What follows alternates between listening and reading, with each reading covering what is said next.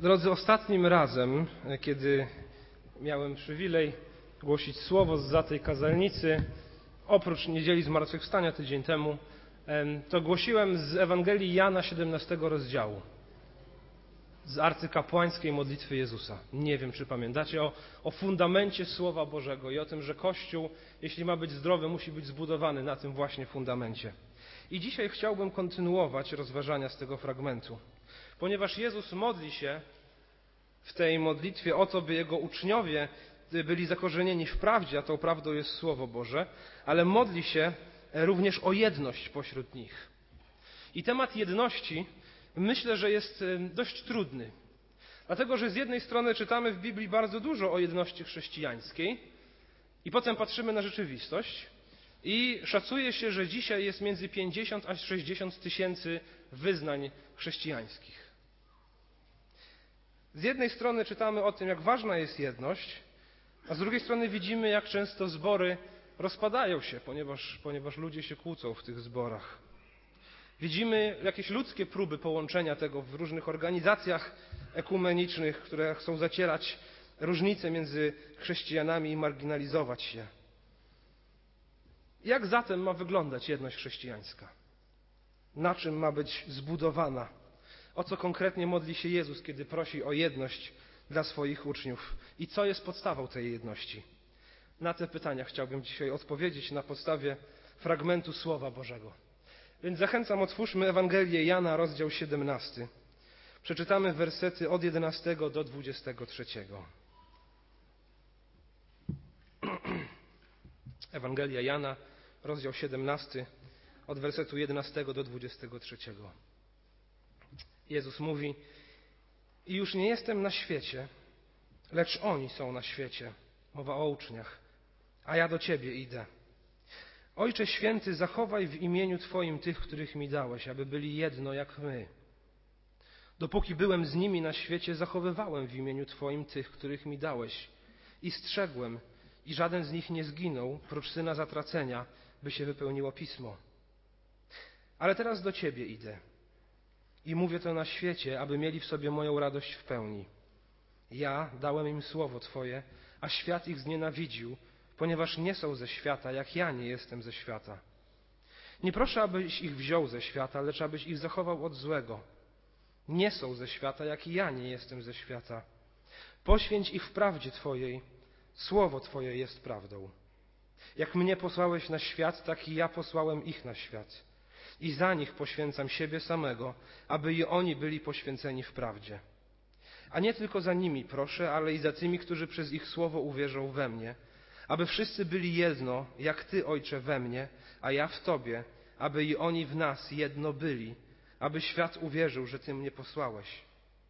A ja dałem im chwałę, którą mi dałeś, aby byli jedno, jak my jedno jesteśmy. Ja w nich, a Ty we mnie, aby byli doskonali w jedności, żeby świat poznał, że Ty mnie posłałeś i że ich umiłowałeś, jak i mnie umiłowałeś. Dość trudny i wydaje się, że zawiły fragment, mający wiele powtórzeń. Ale faktycznie w kilku miejscach Jezus modli się o jedność. Jan napisał swoją Ewangelię jako ostatni z czterech ewangelistów. Treść tej Ewangelii e, różni się dość mocno od pozostałych trzech. Nie dlatego, że on przekazuje jakąś swoją wersję wydarzeń, ale dlatego, że kładzie akcenty na coś innego w tym, co robił i co mówił Jezus Chrystus. Żaden z pozostałych ewangelistów nie spisał tej modlitwy, tylko Jan to uczynił. I jej treść mówiąca o trwaniu w Słowie Bożym i o jedności wskazuje nam prawdopodobnie na to, że ówcześni e, chrześcijanie, którzy byli pierwotnymi odbiorcami tej Ewangelii, z tym właśnie mieli problem.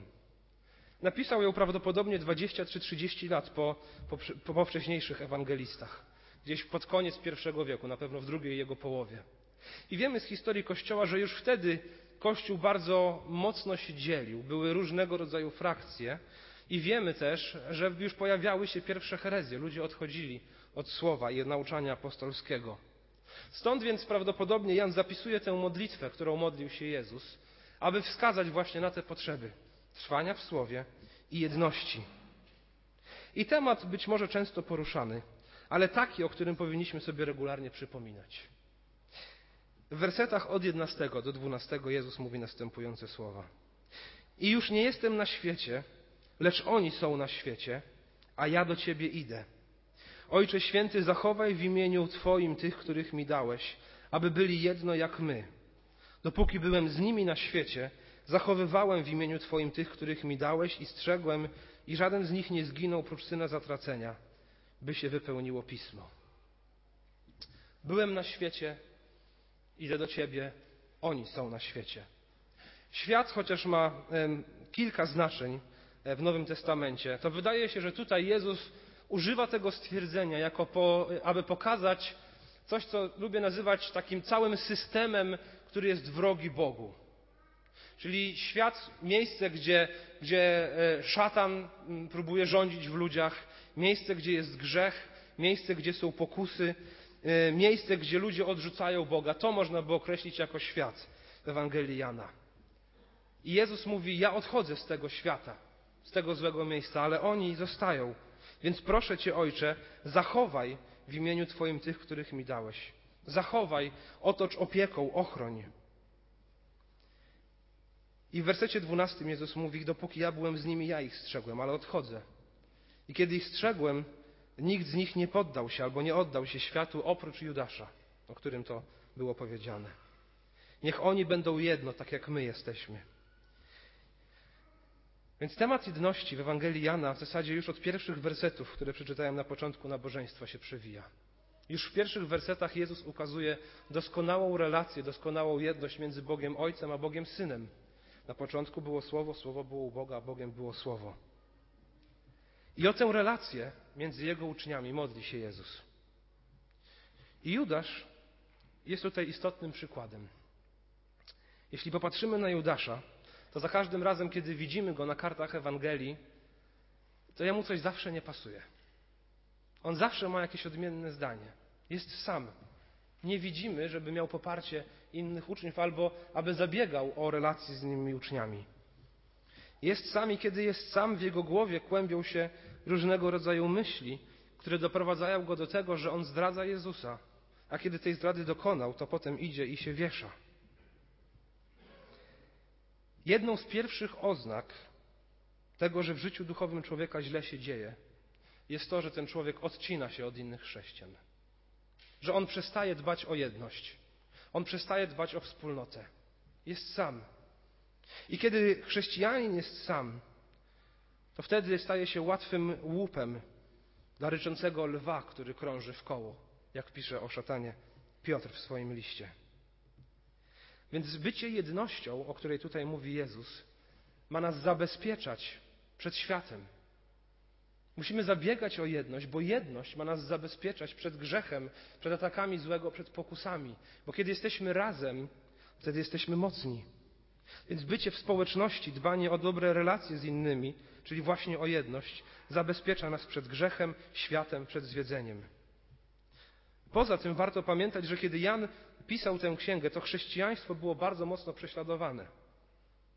I bycie jedno oznaczało po prostu wspólne, mm, wspólne wsparcie w tym prześladowaniu. Oni byli prześladowani ze strony Rzymian, byli prześladowani ze strony judaistów i kiedy byli razem, to wiecie, wzajemnie dużo lepiej jest znosić trudności. Wzajemnie dużo łatwiej się płacze. Wzajemnie dużo piękniejszy i dłuższy jest śmiech. Wzajemnie można faktycznie przejść przez wiele złych rzeczy. Więc jedność jest ważna, ponieważ jedność zabezpiecza ludzi przed odstępstwem, ale też przynosi im pocieszenie. Lepiej jest być jedno niż być osobno. Judasz był osobno i wiemy, jak skończył. Więc to pierwszy ważny punkt. Jedność ma zabezpieczać przed, przed światem. Ja nie jestem na świecie, ale do Ciebie idę. Zachowaj w imieniu Twoim tych, których mi dałeś, by byli jedno jak my. I potem ten motyw tego świata jest rozwijany. Więc jedność zabezpiecza, bycie razem zabezpiecza przed złem, sprawia, że, że to życie tutaj na świecie jest łatwiejsze. Wersety 20 i 21. A nie tylko za nimi proszę, ale i za tymi, którzy przez ich słowo uwierzą we mnie. Aby wszyscy byli jedno, jak Ty, Ojcze, we mnie, a ja w Tobie, aby i oni w nas jedno byli, aby świat uwierzył, że Ty mnie posłałeś. Aby wszyscy byli jedno, jak Ty, Ojcze, we mnie, a ja w Tobie, aby i oni w nas jedno byli, aby świat uwierzył, że Ty mnie posłałeś. Jedność chrześcijańska jest bardzo istotna, dlatego że jedność chrześcijańska świadczy o Bożym posłannictwie. Wedle słów Jezusa, jedność chrześcijańska, jedność między chrześcijanami ma prowadzić do tego, że świat ma uwierzyć, że Bóg posłał Jezusa. I wydaje mi się, że tutaj wcale nie chodzi o doktrynalną jedność. O to, że na każdy temat będziemy mieli takie same myśli i taki, taki sam pogląd. A raczej tutaj chodzi o naturę Kościoła. Za chwilę do tego przejdę. Niemożliwa jest jedność w sensie takiego samego myślenia o wszystkim. I w Biblii mamy tego przykłady. Apostoł Paweł i Barnaba. Znacie na pewno tę historię. Oni byli misjonarzami, przyjaciółmi. Razem jeździli po świecie, zakładali zbory, głosili Ewangelię. I w pewnym momencie doszło między nimi do nieporozumienia.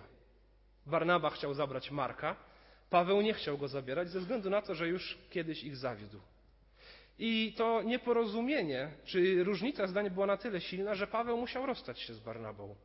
I Barnaba, wziąwszy Marka, odpłynął na Cypr, a Paweł wziął ze sobą Sylasa, potem jeszcze innych braci i razem z nimi podróżował i zakładał zbory i nauczał. Czy to, że oni się rozeszli, oznacza, że skończyła się między nimi jedność? Jeśli jedność potraktujemy jako takie samo myślenie o wszystkim i takie samo zdanie, to tak. Ale jeśli y, popatrzymy na to, co Biblia mówi o jedności, to widzimy, że apostoł Paweł i Barnaba dalej w sercach mieli to samo. Im dalej zależało na tym, by głosić Ewangelię. Im dalej zależało na tym, by zakładać nowe zbory. Im dalej zależało na tym, by chrześcijanie wzrastali w poznawaniu Boga. Mieli na to nieco inne, co do tego nieco inne podejście, ale to wcale nie znaczy, że ta prawdziwa jedność między nimi się skończyła. Bo jedność nie polega na takim samym myśleniu o wszystkim, ale na tym, y, na wspólnym celu uwielbienia Boga w tym kontekście Pawła i, i Barnaby i misji, jaką oni mieli. Podobnie moglibyśmy powiedzieć, że brak jedności widzimy u Pawła i Piotra. Kiedy Piotr, e, kiedy Paweł poucza Piotra albo napomina Piotra, że ten się źle zachował. I nie tylko napomniał go w tamtym momencie, e, ale też napisał o tym w liście do Galacjan kilka czy kilkanaście lat później. Dlatego, że Piotr e, przebywał z, z chrześcijanami pochodzenia pogańskiego, kiedy nie było dookoła innych Żydów, ale kiedy przychodzili chrześcijanie pochodzenia żydowskiego, to odcinał się, aby oni czegoś złego o nim nie pomyśleli. I Paweł go napomina. Czy on łamie jedność? Wręcz przeciwnie. To Piotr tę jedność łamał, a Paweł w jedności i w miłości go napomniał. I mówi: Piotrze, uważaj na to, co robisz. Jedność nie oznacza tego, że ktoś nie może mi zwrócić uwagi. Jedność nie oznacza tego, że mamy milczeć, kiedy coś jest nie w porządku. Nie w tym wyraża się jedność. Ale jedność wyraża się we wspólnym celu w trwaniu w prawdzie i w byciu członkami jednego ciała, Kościoła. I kiedy taka jedność, czyli prawdziwe, zdrowe więzi między chrześcijanami, wzajemna miłość i wzajemny szacunek będzie pośród nas, to prawdziwie świat będzie nam tego zazdrościł. To przez jedność i zdrowe relacje między chrześcijanami, szczerość, miłość, szacunek, uważanie jednych za, za, uważanie drugich za ważniejszych od siebie. Świat będzie tego zazdrościł, bo świat nie zna tego. Świat zna zdradę, waśnie, kłótnie, wzajemne oszczerstwa, samolubstwo, żądanie swego i na wszystko trzeba podpisywać umowy, bo każdy chce mnie oszukać. To zna świat. Jeśli zobaczy prawdziwą jedność, miłość między chrześcijanami, faktycznie to będzie świadczyć o tym, że Pan Bóg jest pośród nas. Że jesteśmy ponad tym, co może nas powierzchownie dzielić albo w czym się różnimy, ale jesteśmy razem. I takie zachowanie będzie zawsze wielkim świadectwem, wskazującym, że łączy nas coś, co nie jest z tego świata, co jest ponad ludzkimi podziałami i coś, co nie pozbawia nas również samodzielnego i krytycznego myślenia. Jezus mówi: Po tym poznają, że jesteście moi. Po czym? Gdy miłość wzajemną mieć będziecie. Po tym poznają, że jesteście moi. Nie po budynkach, nie po śpiewie, nie po teologii, nie po krzyżu zawieszonym na szyi. Tu wiele można by wymieniać nie po tym. Po tym poznają, że jesteście moi, gdy miłość wzajemną mieć będziecie. Jedność między chrześcijanami, rozumiana właśnie w, w, w ten sposób zabiegania o siebie nawzajem, w nastawienie, jakie było w Chrystusie Jezusie, to świadczy o prawdziwości Bożego przesłania. Jezus dalej mówi, werset 22, 23, a ja dałem im chwałę, którą mi dałeś, aby byli jedno, jak my jedno jesteśmy. Ja w nich, a Ty we mnie, aby byli doskonali w jedności i znowu, żeby świat poznał, że Ty mnie posłałeś i że ich umiłowałeś, jak i mnie umiłowałeś. Ja dałem im chwałę, którą mi dałeś, aby byli jedno. W jakim sensie Jezus dał nam swoją chwałę, abyśmy byli jedno?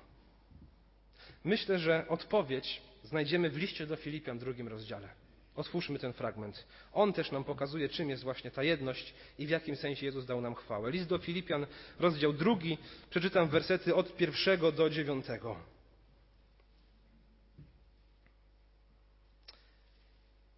Jeśli więc w Chrystusie jest jakaś zachęta, jakaś pociecha miłości, jakaś wspólnota ducha, jakieś współczucie i zmiłowanie, dopełnijcie radości mojej i bądźcie jednej myśli, mając tę samą miłość, zgodni, ożywieni jednomyślnością.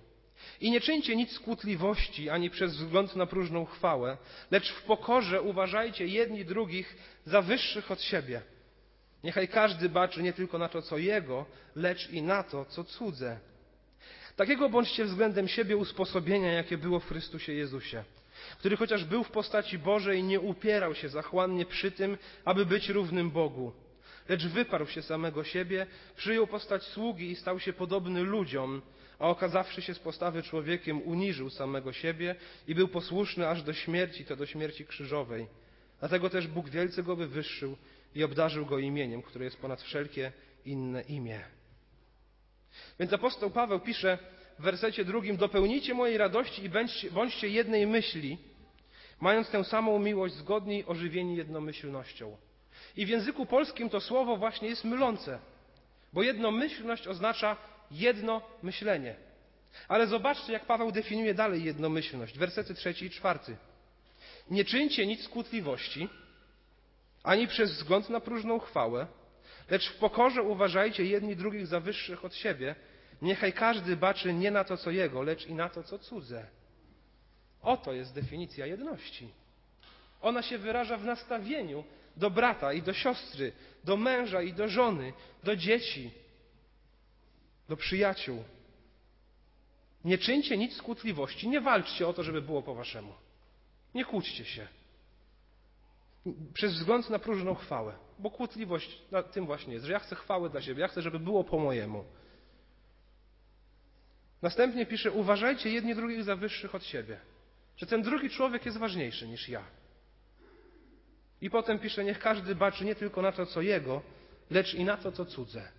Nie troszczcie się tylko o siebie, o swoje rodziny, o swoje potrzeby. Troszczcie się o siebie nawzajem, chrześcijanie. Troszczcie się też o innych. I potem daje nam przykład od wersetu piątego. I mówi, takiego bądźcie względem siebie usposobienia, jakie było w Chrystusie Jezusie, który chociaż był w postaci Bożej, nie upierał się zachłannie przy tym, aby być równym Bogu. Tego nastawiania potrzebujemy.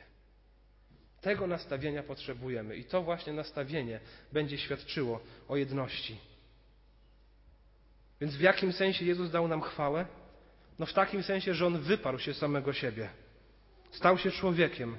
Zamieszkał pośród nas. Zasmakowaliśmy nieba jako ludzie, kiedy Chrystus był tutaj na ziemi. Dał nam swego ducha, który nas prowadzi.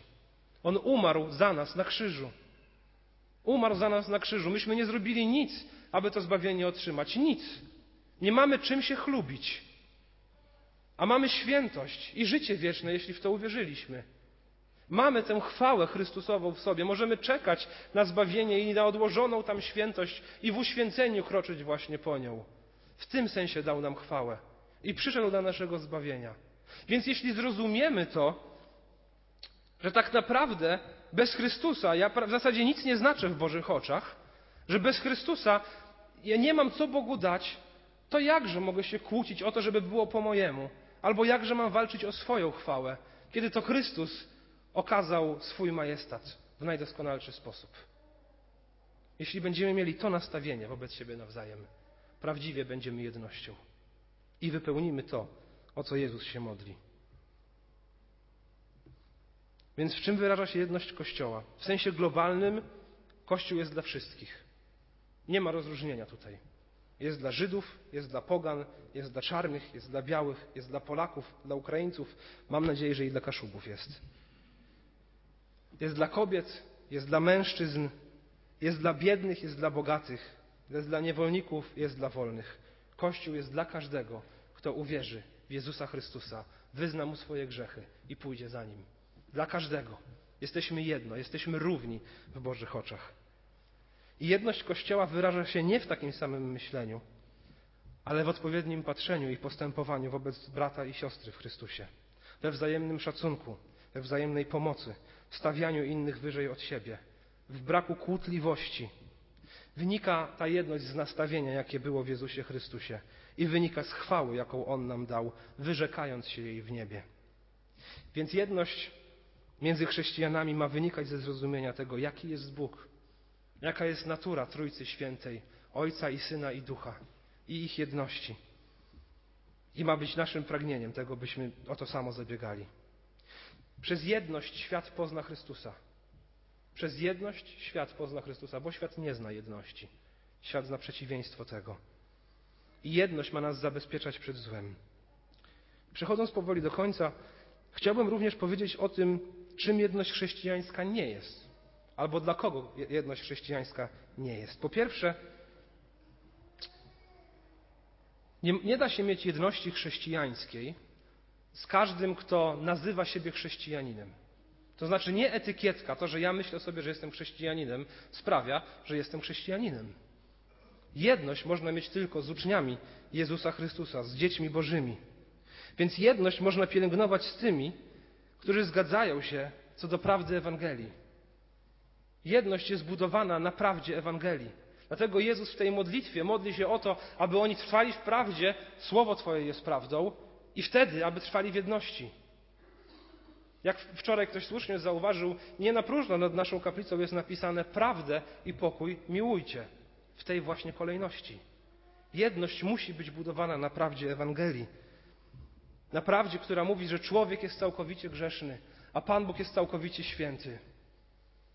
I Bóg, aby pojednać człowieka z sobą, wstąpił na ziemię, żył bezgrzesznym życiem, umarł męczeńską śmiercią, dał przybić się do krzyża, a Jego krew obmywa grzechy każdego, kto do Niego przyjdzie i Mu uwierzy.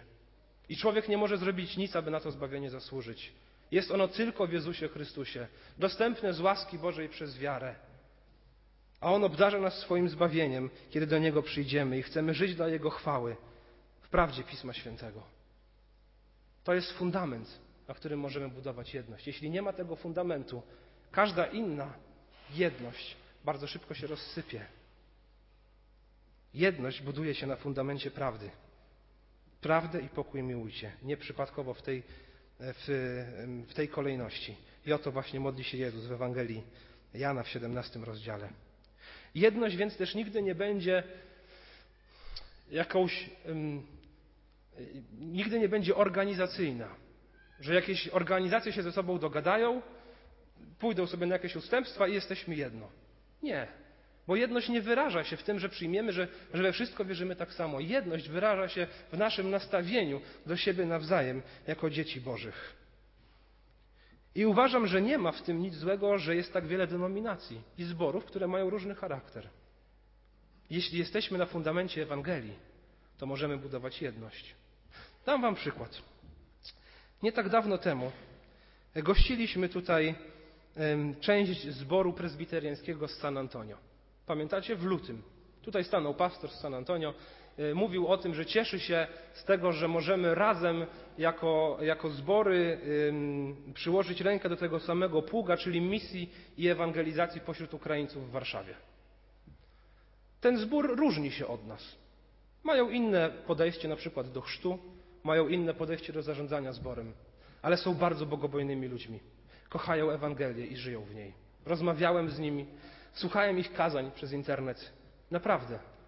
To, że się różnimy w jakichś aspektach, nie chcę, żeby sprawiło, że nie będziemy ze sobą rozmawiać albo będziemy na siebie zupełnie zamknięci. Gdybyśmy mieli razem zakładać zbór, pewnie byłoby ciężko. Ale kiedy chodzi o Ewangelię i o wspólną misję, możemy razem współpracować z nimi, bo są bogobojnymi, kochającymi Ewangelię ludźmi. Więc to Ewangelia jest tym fundamentem. I jedno nastawienie, które jest niebezpieczne, to właśnie takie, że zacieramy wszelkie granice albo udajemy, że ich nie ma i robimy taką sałatkę chrześcijańską, gdzie wszyscy się mogą znaleźć. Ale drugie nastawienie, które jest równie niebezpieczne, to takie, że to tylko my jesteśmy prawdziwie ambasadą Królestwa Bożego, a wszyscy inni to się mylą. Bo my mamy doskonałe poznanie i wiemy jak. Bo my jesteśmy baptystami z pierwszego zboru na przykład. Moglibyśmy powiedzieć, jak ktoś inny mógłby powiedzieć coś innego. Uważam, że to jest równie niebezpieczna postawa, jeśli zapomnimy o tym, że Ewangelia nie jest tylko w naszym zborze, ale że są też zbory pańskie, które również głoszą Ewangelię i być może nieco się od nas różnią. Apostoł Paweł w drugim liście do Koryntian, 13 rozdziale, 5 wersecie mówi: Poddawajcie samych siebie próbie, czy trwacie w wierze, doświadczajcie siebie. Drodzy, jeśli wpadniemy w przekonanie o samosprawiedliwości, to przestaniemy poddawać siebie próbie. Raczej badajmy siebie, czy faktycznie to, co my wyznajemy, czy to, co my robimy tutaj na nabożeństwach, jest zgodne ze Słowem Bożym. Poddawajmy siebie próbie.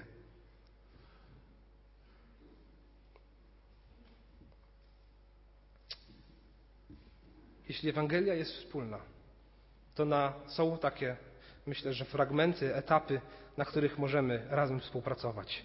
Myślę, że nie jest to coś, o co powinniśmy nie wiadomo jak bardzo zabiegać. Pan Bóg posyła do każdego zboru takich ludzi z takim obdarowaniem, by ten zbór mógł funkcjonować. Ale nie wpadnijmy nigdy w myślenie, że tylko my mamy prawdę i tylko my jesteśmy prawdziwymi chrześcijanami, my w tym zborze. Miejmy szacunek i miłość do innych chrześcijan. Miejmy szacunek i miłość do siebie nawzajem, tutaj siedzących, myśląc o sobie, jak możemy sobie pomóc i jak możemy siebie wesprzeć. Nie szukajmy porozumienia za wszelką cenę. Ono nie będzie się uwidaczniało w tym, że będziemy tak samo myśleć. Ono się uwidacznia w tym, jak postępujemy wobec siebie. A wszystko niech jest budowane na prawdzie Pisma Świętego. Między sobą tutaj nie znajdziemy osób, które mają takie same poglądy na wszystko. Ja z pastorem Markiem różnimy się w niektórych aspektach i w tym, jak patrzymy na niektóre rzeczy. A jednak tak dobrze nam jest ze sobą współpracować, że jak on wyjeżdża na dwa tygodnie na urlop, to jakoś tak mógłby już wrócić. A jak mi się zdarzy wyjechać to i, i wrócę, to on mówi, jak dobrze, że już przyjechałeś, no, bo fajnie jest być razem. Naprawdę. Nie musimy myśleć tak samo, by kochać siebie nawzajem, szanować siebie nawzajem i razem współpracować. Na tym polega też bogactwo Kościoła, że może być jedność w różnorodności. I nasza jedność będzie imponować światu, więc troszczmy się o nią. Ona jest świadectwem Bożego działania i Bożej chwały w nas. I pragnę tego nastawienia, jakie było w Jezusie Chrystusie, który nie dbał o to, by być równym Bogu i nie walczył o swoje. Dbajmy o to nastawienie w naszych domach. Niech nasze domy będą domami jedności. Dbajmy o to nastawienie w naszym zborze. Niech nasz zbór będzie zborem jedności. Dbajmy o to nastawienie w naszych grupach domowych, w szkółce niedzielnej, w grupie młodzieżowej. Niech to będą grupy jedności. To nie znaczy we wszystkim tak samo myślące. To znaczy kochające siebie nawzajem, budujące na wspólnym fundamencie Ewangelii. Nasza jedność sprawia, że łatwiej będzie nam stawić czoła przeciwnościom i próbom, jakie na nas przychodzą. Razem możemy wzajemnie się wspierać i zachęcać. Gdy jesteśmy pokłóceni i samotni, to stajemy się łatwym łupem dla przeciwnika. Niech świadomość też zbawienia kształtuje w nas jedność. Że ja bez Chrystusa niewiele mogę, w zasadzie nic nie mogę. Moja wartość jest w Chrystusie.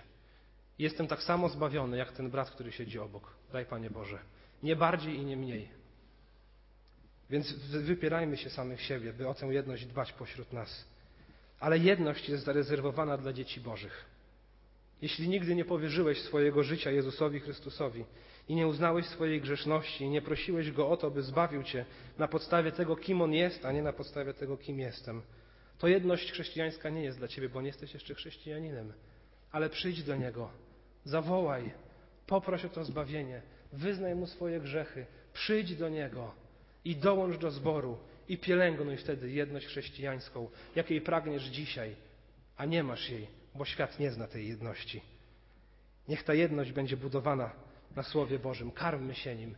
Kochajmy to Słowo, żyjmy tym Słowem, głośmy to Słowo. Niech ono nas spaja ze sobą. W ramach zastosowania chcę Was do czegoś zachęcić na koniec. Abyśmy w tym najbliższym tygodniu modlili się w naszej codzienności o tych, którzy są naszymi braćmi i siostrami, może się to tutaj w kaplicy, ale jakoś tak za nimi nie przepadamy. Żebyśmy się modlili o jedność. Naprawdę. Rozejrzyjcie się dookoła siebie i popatrzcie, kogo, za kim nie przepadacie. Może to jest ktoś z zboru. Wiecie, że jest bratem i siostrą i że potrzebujecie pielęgnować jedność z tą osobą. Módlcie się o to. To takie proste zastosowanie na najbliższy tydzień. Niech prawda Ewangelii nas łączy. Wyprzedzajmy się we wzajemnym okazywaniu sobie szacunku. Kochajmy Słowo Boże. Kochajmy siebie nawzajem. Dbajmy o jedność. Amen.